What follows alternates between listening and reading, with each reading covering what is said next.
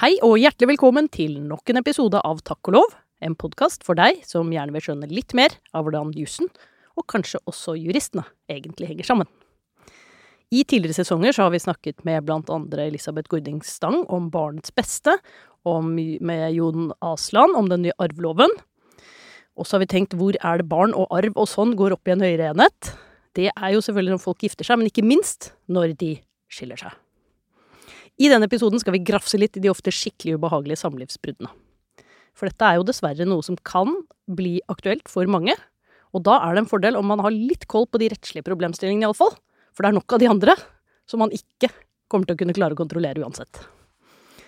I denne episoden tror jeg i hvert fall vi kommer til å få svar på litt mer kanskje svar på hvorfor folk skiller seg, hva de trenger advokater til, og hva man oftest krangler om i skilsmissesakene og hvordan man fordeler ansvar for barna.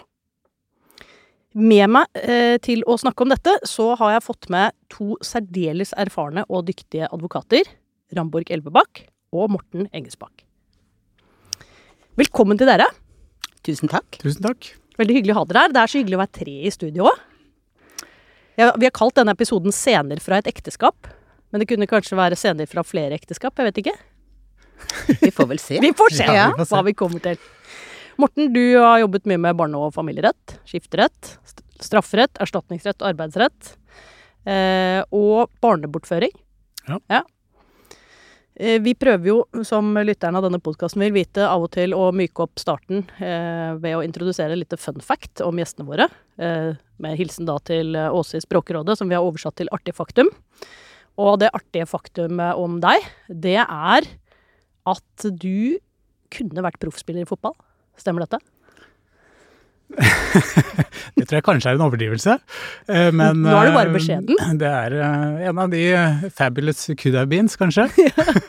Ja, Men du er, du er Du holder på å spille ennå, eller? Eh, nei, du, jeg spilte mye fotball da jeg var ung. Ja. Eh, og det stemmer for så vidt at jeg var eh, På et tidspunkt så var jeg på prøvespill i eh, både Tyskland og England, men jeg hadde en rygg som ikke ville være med på den karrieren. Så da måtte jeg begynne å bruke hodet isteden. Det virker som du har klart å gjøre det godt. Og dessuten så Det eneste du mangler kanskje inn i den jussen vi skal snakke om i dag, det er at du har vært kjæreste siden russetiden med kona di. Det stemmer. Ja. ja Så du aner ingenting om disse samlivsbruddene fra innsiden? ingenting. Nei. Nei, men det er hyggelig det òg, da, sikkert. Eh, Ramborg, du er partner i Hjort, leder av avdeling for familie, arv og skifte. Ja. Masse ekspertise der, og prosedyre og tvisteløsning. Ja. Det stemmer. Nå gruer du deg til artifaktum, eller? Eh, Jeg har stålsatt meg. Nå skal vi se. Nå skal vi se. Det er veldig bra. Um, du eh, Ja, du har jo mye bedre erfaringsgrunnlag inn i podkastens tema. Det står at du både ble gift og skilt som 19-åring, og det eneste du fikk med deg ut, var en tannbørste. Det er faktisk helt riktig. Hvor kom den fra? Ja, det er helt riktig. Jeg tror ikke vi, vi rakk vel ikke få bryllupsbildene engang. Og det, det var jo ikke digitale bilder, da. Nei, Naturligvis. Så det tok litt tid. Nettopp. Men eh, ja. Men, så de Det var et nokså kort ekteskap. Ja, akkurat. si. Noen, noen kan gjøre det unna på kort tid. Ja, ja, ja. Ja. Da var det unnagjort, sånn for statistikken. Kanskje mindre å krangle om også, hvis man ikke har oppbygget veldig mye. Og... Ja, det skal jeg love det. Ok, Um, vi får gå over til dagens tema, skilsmissesaker og foreldretvister. Em, noen innledende spørsmål, kanskje. Hva, hvorfor driver folk og skiller seg? Det må jo være ganske sammensatt, men er det noen, er det noen årsaker som peker seg ut? Altså, man skiller seg jo fordi man eh, kan. Ja. Ikke sant? Man har en uh, frihet til å si at uh, dette ekteskapet fungerer ikke, uh, så nå vil jeg gjøre noe annet. Jeg tenker at det er, det er årsaken til at folk skiller seg. Det er ikke så unaturlig å skille seg, kan man si. Altså at man skal holde det gående sånn som Morten, med et eh, samliv i tiår etter tiår etter tiår. Det er jo selvfølgelig fint, men eh, det er jo ikke så rart at det ikke er en norm, egentlig, når man tenker på hvor forskjellige arter livet kan arte seg. Nei. Ja, og det at eh, mange har muligheten til det, det gjør jo også at årsakene er ganske mange. Jeg syns det er vanskelig, i hvert fall fra min praksis, å peke ut noe sånn helt eh, spesielle årsaker til at folk gifter seg. og oppfatter at det er et eh, mangfold også når det gjelder årsaker til, eh, til at folk Kan være like mangfoldig som at folk gifter seg, rett og slett. Det kan Ja. det. Um, men eh, når er det de trenger advokat, da? Hvorfor gjør man det? Er det ikke egentlig bare sånn følelsesmessige greier, dette? Det er jo en eh, For mange så er jo dette en liten fisjon. Altså, det er Det, det var en fin juridisk måte å fremstille det på. Ja, men det er jo helt sant, ikke sant. Det kan være ganske store verdier uh, som skal fordeles. Det må man ha hjelp til. Og det kan være små verdier som skal fordeles, og da er det desto viktigere at det blir helt riktig. Så det er ikke så unaturlig. Men jeg, jeg tenker jo at veldig mange klarer seg uten advokat, og det tror jeg også veldig mange gjør, rent faktisk. Ja. Din erfaring òg? Ja, Ja. absolutt. Eh, og uh, for mange som skiller seg, så er det jo også uh, ganske utfordrende. Og selv om økonomien generelt har blitt bedre, så vil jo mange oppleve det som vanskelig å skulle etablere to selvstendige, eller to ulike tilværelser på samme, eh, samme nivå eh, som man hadde tidligere. Jeg så så mye for det frie valget, liksom. Det var et fritt valg, og så ble det litt begrenset straks. Ja. Ja. Og da havner man i en krise, og det blir vanskelig, og man trenger kanskje bistand til å løse opp i forskjellige knuter. Ja. Hvilke råd er det man kan gi partene før de skiller seg, da? Altså, ikke skildre, er det, det er kanskje ikke noe bra råd ofte? Altså, jeg tenker kanskje det aller viktigste, det som jeg oppfatter eller opplever eh, er en hovedårsak til at um, konfliktene blir store og vanskelige, det er at man ikke har kommunisert uh, noe særlig uh, godt om uh, bruddet og, og planlagt det på forhånd. Det skjer plutselig, og så havner man i hver sin, hver sin skyttergrav. Så blir det vanskelig. Ja, så det å, det å kommunisere og planlegge et brudd, eh, det tenker jeg er veldig viktig. Det typiske er vel at bruddet kommer overraskende for én av partene. Det, Ja. det kommer nesten aldri overraskende for begge to. Nei. Eh, men det er klart at hvis man da har en, en situasjon der den ene er i sjokk, eh, kan du legge til at det å skille seg, det er ubehagelig, enten man har planlagt det eller ikke, og det er veldig, veldig dyrt. Eh, så er det ikke rart at eh, man har behov for en nøytral samtalepartner som en advokat kan være, for å få råd om hvordan man skal gå fram. Ja. Det kan vi jo gi. Ja, og det er nettopp. Og hvordan er det å være advokat i en sånn situasjon, da? En ting er jo for den parten som har planlagt og visualisert dette her i lang tid, men det, hvis man plutselig kommer inn for den parten som for hvem dette kommer som et sjokk? Ja, da kan man jo som advokat, fordi man har vært igjennom dette profesjonelt hundrevis av ganger, så kan man for det første skape litt trygghet om selve prosessen. Og så kan man gi konkrete råd om hva gjør du nå, for det er jo det folk spør om. Hva gjør jeg nå? Eh, og det har vi faktisk svar på. Ja. Og så er det jo klart at det er en masse floker som vi ikke kan løse, løse men vi kan i hvert fall gi råd om en fornuftig framgangsmåte. Eh, og så å si roe gemyttene litt, det er i hvert fall målet. Det, for dere har drevet dilemmatrening i lang tid. Ja, Ja. det har vi. Det kan vi. Det kan dere. Hvordan er det Én ting er jo den erfaringen man bygger seg opp selv som advokat i den type saker, men erfaringsutveksling på tvers av taushetsplikter og sånn, hvordan kan man, kan man lære av andres eh, erfaringer og feil også? Ja, hvis jeg, hvis jeg skal eh, ta barnesakene for eksempel, så er det jo sånn at i, i barnesakene så har jo eh, Det er jo veldig konkrete vurderinger. Eh, så det har Den enkelte sak har eh, kanskje liten overføringsverdi eh, til, en, til den andre saken. Mm. Eh, og sånn fungerer jo rettspraksis også i barnesaker. At man eh, eh, man ser sjelden etter liksom helt de, akkurat de samme faktiske eh, situasjonene, men man trekker ut eh, hva er relevante momenter, hvilke erfaringer kan vi ta med oss fra en sak til en annen. Mm. Det tenker jeg det er fullt mulig å diskutere og utveksle erfaringer om uten å, å komme inn på konkrete opplysninger og, og taushetsbelagte Man trenger ikke å snakke om barnets beste, man kan snakke om barns beste. Ja, Ja. for eksempel. Mm. Er det noen eh, Ramborg, eh, er det noen kjønnsforskjeller i, på vei inn i skilsmisse? Er det liksom noen tabber som er mer utbredt blant menn og noen blant kvinner? Eller er det, er det Eh, altså I økonomisakene som jeg jobber mest med, eh, så er ikke sant, vi kan gå på makronivå. Eh, da er det jo sånn for det første at menn eh, gifter seg litt seinere i livet enn kvinner. Fortsatt er det sånn. Så de har ofte mer eh, De har kommet lenger i karrieren, og de har mer formue.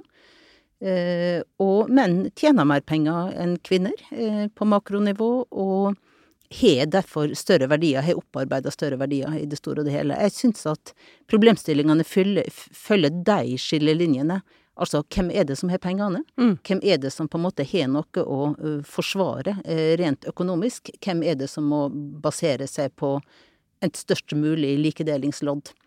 Det er jo kvinner som i stor grad må basere seg på at man får en, en likedeling, og ikke en skjevdeling på makronivå. Men når det er sagt, så tenker jeg at det er ikke noe spesifikt for menn og kvinner her. Altså, jeg kan ikke se det.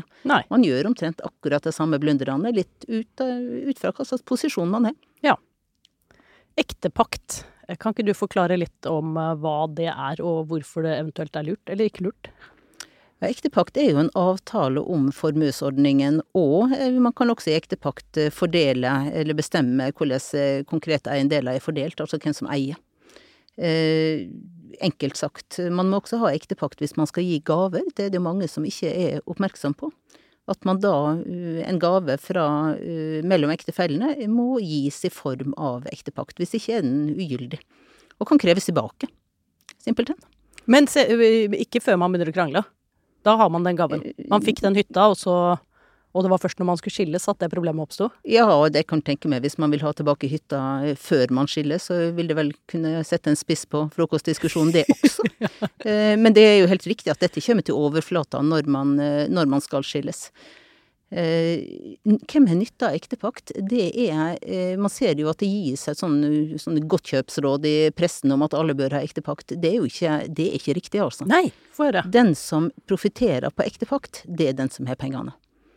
Eh, Den som profitterer på at det ikke blir laga ektepakt, det er jo den som skal ha et likedelingslodd av det som er opparbeida i løpet av ekteskapet. Slik at man skal være veldig obs eh, når man blir bedt om å undertegne en eh, ektepakt. Eh, det er ikke sånn at man må ha det, og i mange tilfeller er man tjent med å ikke ha det. Har du noen Er det mulig noen anonymiserte historier? Er jo, jeg ser bare for meg at man sitter egentlig og planlegger for en slags krise, mens man forhåpentligvis har det ganske bra. Men det kan jo aktualisere noen problemstillinger som man ikke hadde tenkt på, som kanskje ikke var så romantiske. Nei, altså eh, romantikk. Altså ekteskapet er jo først og fremst en økonomisk kontrakt, ikke sant. Det kommer man ikke fra. Dette må man ikke la seg lure til å tro noe Nei, annet. Nei. det må man ikke gjøre. Hvis man tenker bare på romantikk, så bør man ikke gifte seg. Eh, Det er ikke noen grunn til det, selv om det er fint med kjole og blomster og kirke og alt dette her, så kan det bli en ganske sånn eh, dyr, dyr, dyr fest. Ok, så det er generelt råd, ikke gift deg av kjærlighet. Gift deg gjerne som en kontrakt, men vit at det er det. Ja, det er jo, altså ekteskapet er jo det vi driver med her til lands, ikke sant, i vår kultur, så det er naturlig å gjøre det, men det er ikke noen grunn til å gjøre det av rent romantiske grunner. Eh, og når man da gjør det, så har vi jo de tilfellene der, eh, den ene eh, blir bedt om å skrive under en ektepakt kvelden før bryllupet. Dette høres ut som en parodi, men, men det er ikke det, altså. Det skjer ganske ofte. Eh, det er familiepenger, eller det er store verdier som er opparbeida før man gifter seg. Så tenker da, det kan være mannen og det kan være kvinna, men ofte, ofte er det jo mannen, at eh, her er det best å ha orden på dette før man gifter seg. Så er det vanskelig å ta opp, ikke sant? Mm. Det er vanskelig, dette med å blande romantikk og penger, det er ugreit. Eh, Det blir ikke noen hyggelige samtaler om dette. Men før eller seinere, tenker jeg da den ene, så må man jo få gjort dette her, og det blir jo da gjerne kvelden før bryllupet. Og da sitter du der, ikke sant. Eh, Kjolen henger klar i skapet, og bordet er dekka, og kirka bukka, og presten klar. Skriver du under, eller skriver du ikke under? Så det litt stramme blikket i kirken der dagen etterpå, det, det kan skyldes flere ting, ja. Det kan skyldes flere ting. Dette er ikke så uvanlig, så hvis man skal gi et råd, så er det altså bare snakk om dette fra eh, starten av. Alle ekteskap tar slutt. Eh, enten ved død eller ved skilsmisse. Ja. Og en ektepakt gjelder jo i begge tilfeller, og det er mye lettere erfaringsmessig å snakke om død enn skilsmisse. Eh, så da kan man jo gjøre det, da. Ja, det, dette er veldig bra. Ehm, de reglene som fins i ekteskapsloven og andre steder, eh, er de gode nok? Er de bra? Funker de etter formålet? Er det noe som burde vært endret? Det er jo eh, med det vi kalte den nye ekteskapsloven, som nå er gammel, eh, så ble jo skjevdelingsreglene introdusert. Skjevdelingsreglene, altså det at du kan holde utafor deling av det du hadde når du gifta deg, eller det du har fått som arv og gave seinere, for å si det veldig enkelt. Ja, for utgangspunktet er likedeling. Utgangspunktet likedeling, men den praktiske hovedregelen er skjevdeling, fordi at folk gifter seg ikke som 19-åringer Lenger. og kan ta med seg tannbørsten. ja. Ja. De gifter seg når de er bortimot 30, da har de kanskje etablert seg med hus, bil, eh, fått noe fra foreldre. Altså det er en formue der når de har gifta seg, så den praktiske hovedregelen er skjevdeling. Ja. Ja, det er den. Og den er jo ikke det er ikke urimelig. Altså, ideen med ekteskapet er jo at man skal dele det man opparbeider sammen mens man er gift. Men hvis man da har bodd sammen i mange år før, kanskje opparbeida noe sammen da også, som er vanskeligere å identifisere, det er nok av problemer. Altså, vi advokater lever godt av skjevdelingsreglene. Nettopp. Eh, Men det er ikke derfor jeg ikke ville foreslå at de skulle endres, altså. Fordi eh, vi må ha dem. Men hvis det er skjevdelingsmidler av uh, Altså hvis det, er, hvis det er en problemstilling, så vil jeg anbefale folk ekte, ektepakt, for det gir så mye bedre forutsigbarhet. Ja, nettopp. Det blir mye mer oversiktlig hvis man etablerer seg tidlig i livet og, og holder sammen. Ja, ikke sant? Ja. Du, du har funnet oppskriften på dette, du. Ja, det er ikke så mye annet enn likedelingsmidler igjen da. Nei, det er Nei, men ja, for det er jo nemlig clouet. Eh, at eh, hvis du da har gifta deg tidlig i livet, eh, uten at du hadde noe, og så skal du skilles i 50-åra, eh, Morten, jeg vil ikke anbefale det, for det er ekstremt dyrt, altså. Ja. For da deler du alt. Da er du i, for alle praktiske formål helt sjanseløs i forhold til noe annet enn likedeling. Det kan være bra, men for én part er det jo ofte dårlig. Ja. Ja. Men så mye om penga. Eh, barna, hvordan fordeler man dem?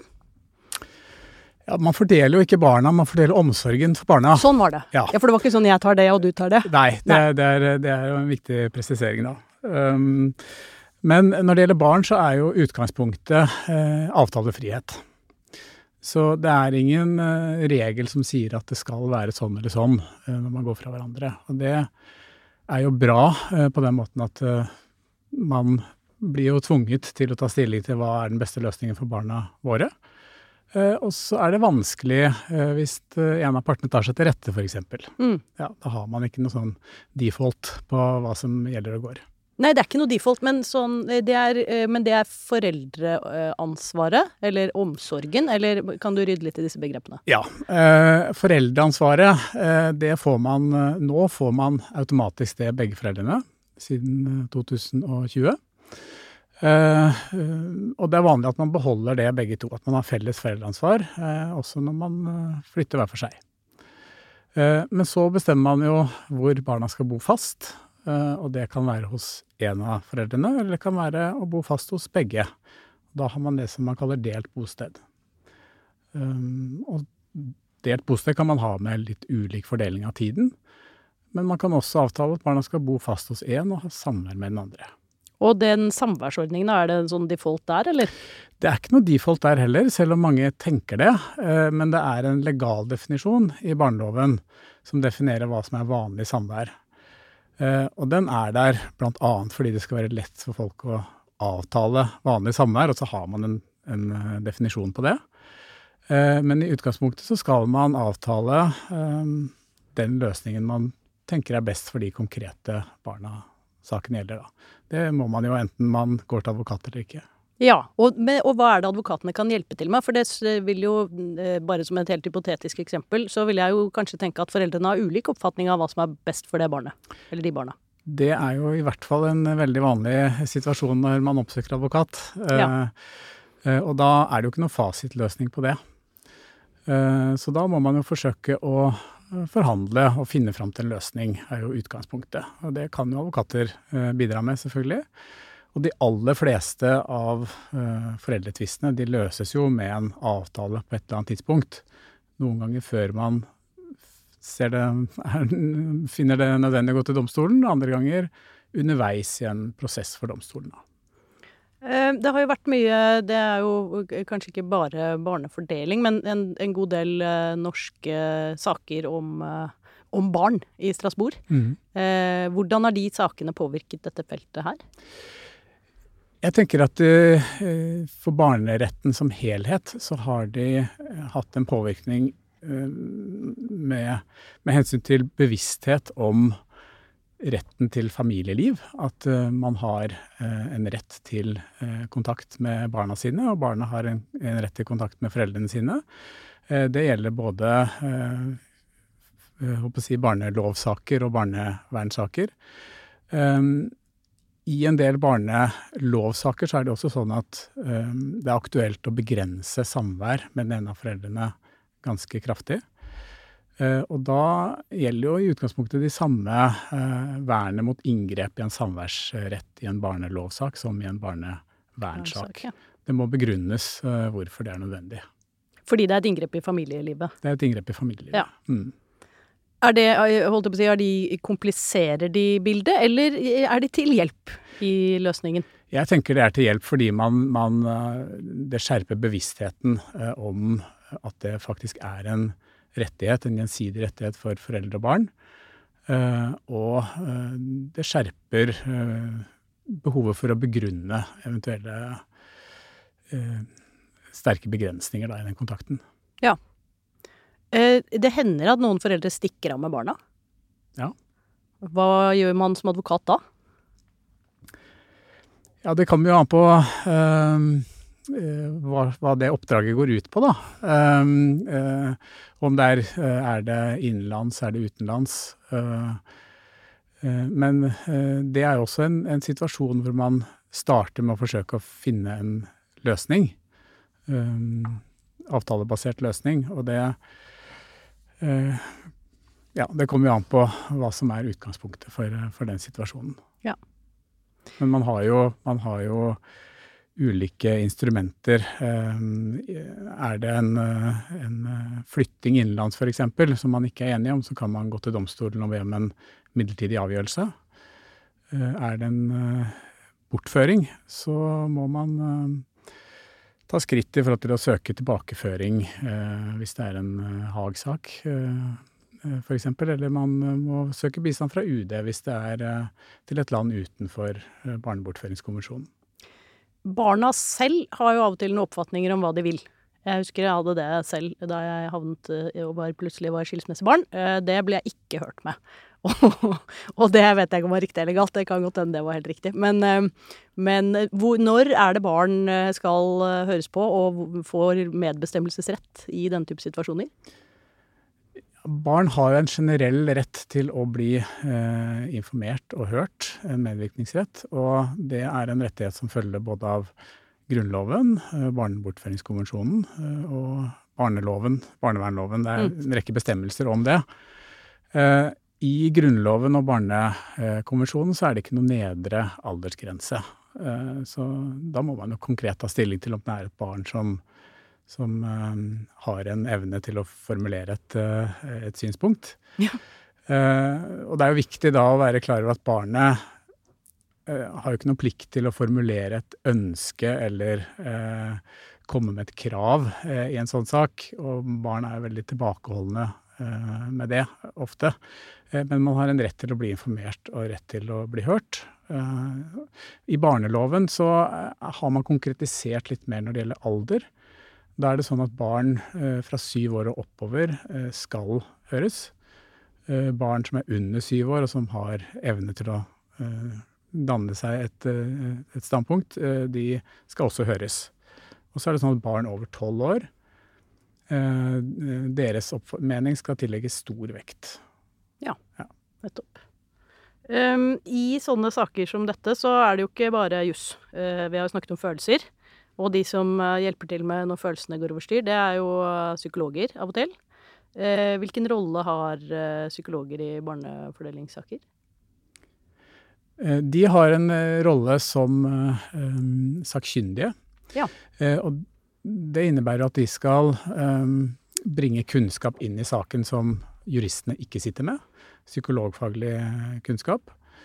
Og de kan ha litt ulike roller i en foreldretvist. De kan komme inn i en fase av saken hvor man er inne i en såkalt konflikt- og forsoningsmodell, hvor den sakkyndige da bistår retten med å forsøke å, å finne fram til en avtale. Og så kan de ha en utredningsrolle hvor de skal utrede de psykologfaglige problemstillingene i saken. Og den utredningen de eh, da kommer med, det vil jo være et bevis, et viktig bevis i en foreldretvist. Nettopp. Kan man demme opp for noen av disse problemene? holdt jeg på å si, underveis i ekteskapet når man ser at det begynner å gå på tverke? Du, du har jo snakket om regulering av formuesforholdene, men, men er dette også noe man kan eh, forberede seg på i større grad? Det er klart man kan. Eh, og her har jo eh, Altså, samfunnet har endra seg, ikke sant. Eh, Farsrollen har endra seg veldig.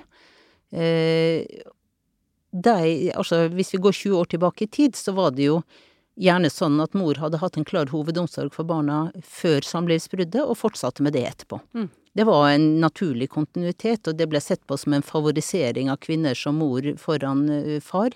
Det var ikke egentlig, tenker jeg, det var kanskje det også, men det, det hadde mer med kontinuitet i omsorgen å gjøre, at det ikke skulle, ikke skulle bli så stor forskjell for disse barna.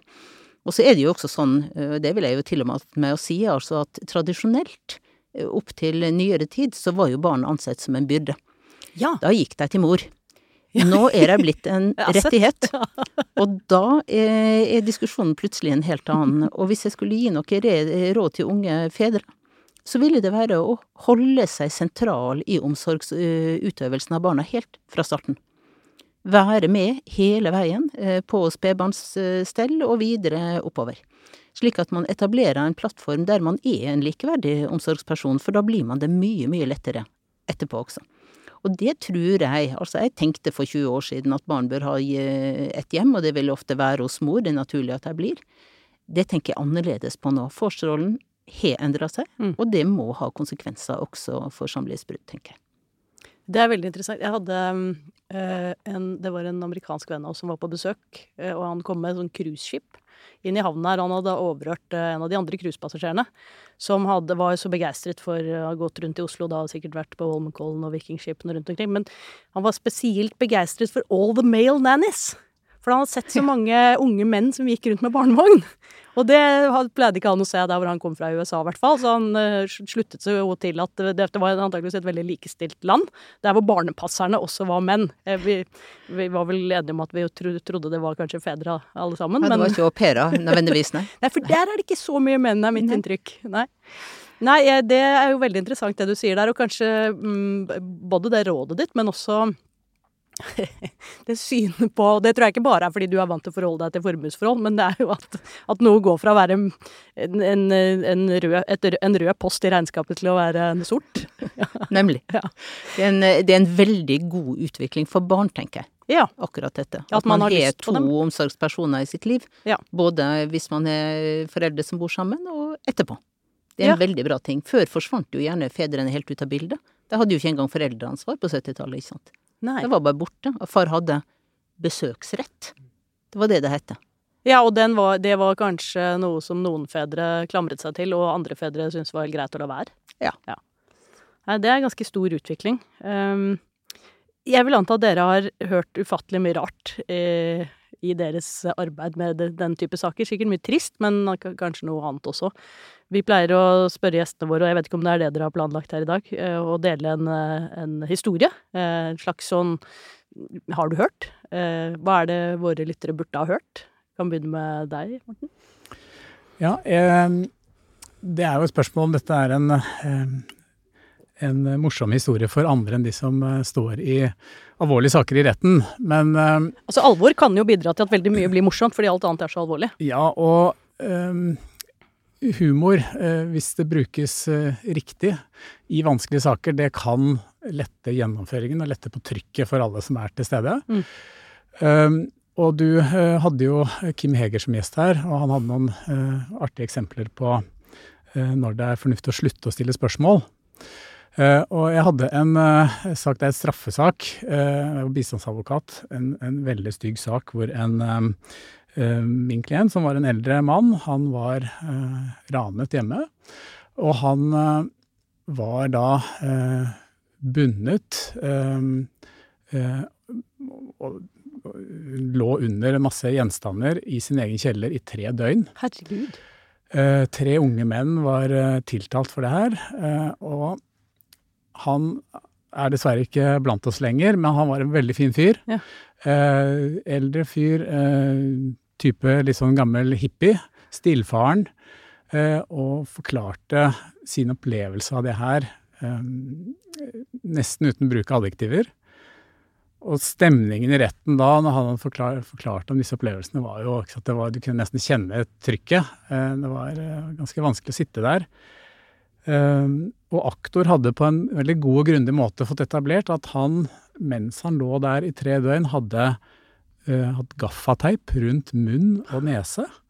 Men han hadde klart å åle seg bort til en sånn, en sånn kant og, og fått, uh, fått flytta litt på den teipen, så han fikk pusta gjennom nesen. Det var jo nesten et under at dette gikk, gikk så bra som det gjorde. Men etter at aktor har etablert det her, så, så stiller han spørsmålet fikk du i deg mat og drikke. Uh, og da ble han bare stående og se på, på, aktor, og så sier aktor ja, jeg må spørre. Og som den stillfarende mannen han var, så så han bare ut i lufta og sa det, det, det går en grense. Og hvor dommeren da spør 'ja, for dumme spørsmål'?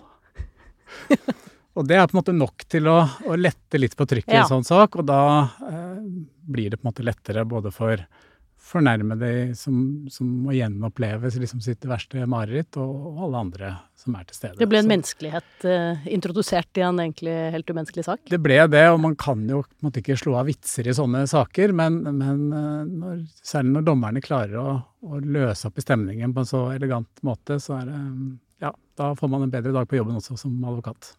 Ja, det, Kim Heger nevnte vel det at uh, han hadde en mistanke om at advokatene lo veldig godt av vitsene hans fordi det var han som var dommer. Selv om de ikke alltid var så gode, de vitsene, så, så syntes advokaten det var fint å fremstå vennlig overfor dommeren. Ja, um, ja Ramborg, har du noe du vil dele med oss? Ja, altså det er jo veldig synd eh, etter så mange år i denne jobben at man ikke kan skrive sine memoarer, for det er altså så mye både frivillig og ufrivillig eh, komikk i disse sakene. Men hvis du anonymiserte dem, kunne vi laget en hel pod med alle, tror du? Ja, det tror jeg, men det er så vanskelig å anonymisere deg. Ja. Men når jeg nå ble bedt om å tenke på dette, så huska jeg en sak eh, som var omtrent som følger. Eh, det var en eh, mann som oppsøkte meg. Han jobba på havet, dette er mange år siden. Eh, og når han kom hjem, så eh, så han en mann på verandaen sin som satt der i hans genser. Eh, så kom han seg ikke inn i huset sitt, for der var det skifta låser. Og det viste seg at denne mannen, han hadde overtatt kona, huset, bilen, bikkja, svigermor, the lot. Han tok, hadde overtatt livet hans. Han tok alt av det skal han ha. Ja, han tok alt. Han tok alt som var å ta. Simpelthen. Og, og som sagt også genseren. Det var liksom krona på verket. Ja. Eh, og så kom han da til meg, han kan skumme en Oslo-advokat under slike omstendigheter, ikke godt å si, men han sa at jeg vil, jeg vil ha livet mitt tilbake. Ja. Altså muligens bortsett fra svigermor, kanskje, men, men, ellers vil han ha resten. Eh, kona også. Eh, og så var det jo slik at det fikk vi jo til, for det var jo hans eh, hus og bil og bikkje, og ja, dette med kona måtte han jo gi avkall på. Men det som var artig, det er at når han fikk tilbake huset, så fikk han også tilbake kona. Så der var det en sammenheng som han ikke hadde tenkt på, som han sa. Ja. Så det var rett og slett bare å få reetablert eierforholdene for eh, eierskapet, så kom resten. Da kom kona tilbake? Ja. Og svigermor. Som en slags hund? Ja, ja, ja, ja. selvfølgelig. Også, ja, Og hun andre, svigermor òg. Ja. alle, alle, kom tilbake, for alle, hadde, alle var interessert i huset, kunne det virke som. okay. Ja, ok, da har vi bundet sammen dette med formuesgodene og, og, menneskene igjen, ja. Ja, Men det var en fin, fin avrunding. Jeg lurer på kanskje om vi, før jeg avrunder hele episoden, er det ett råd fra hver av dere inn i denne type situasjoner som vi har snakket om i dag, som kan hjelpe de som er i ferd med å havne der? Jeg har ett råd som jeg har veldig lyst til å gi, og det er et enkelt råd, og det er vær rimelig. Altså, tenk på det når du skal gjennom et brudd som dette. Tenk på at du skal være rimelig. Ikke gå etter siste krona. Pust det med magen. Hørtes ut som et veldig godt livsråd helt generelt, egentlig. Ja. Ja, hvis jeg skal gi ett råd, så tenker jeg at det er fornuftig å oppsøke hjelp, eh, bistand, eh, tidlig. Så tidlig som mulig. Eh, før eh, konflikten drar seg til.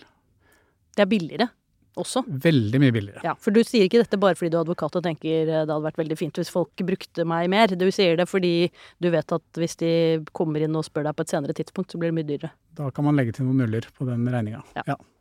Ja, men Det var en bra avrunding. Da gjenstår det egentlig bare for meg å si tusen takk til dere begge to for at dere ville være med meg her og tegne opp noen scener fra opptil flere ekteskap. Og så vil jeg takke dere lyttere som ble med oss. Dere kan få lov til å lytte mer i neste episode av Takk og lov. Da er det tid for litt reklame. Hvis du gjerne skulle lært litt mer om dagens tema, så er det nemlig sånn at Juristenes Utdanningssenter har ganske mye bra på familie, arv og skifterett. Blant annet så kommer det et kurs om ektefellers og samboeres formuesforhold 2. og 3. mai, og det årlige kurset i familie, arve og skifterett som går 20. til 21. oktober. Også juridika.no har mye verdifull juslitteratur på barnerettsfeltet. Få med deg tidsskrift for familierett, arverett og barnevernrettslige spørsmål, og se opp for Morten Engesbak sin fagbok 'Samlivsbrudd med felles barn', en håndbok om de involvertes rettigheter og plikter, som kommer høsten 2022.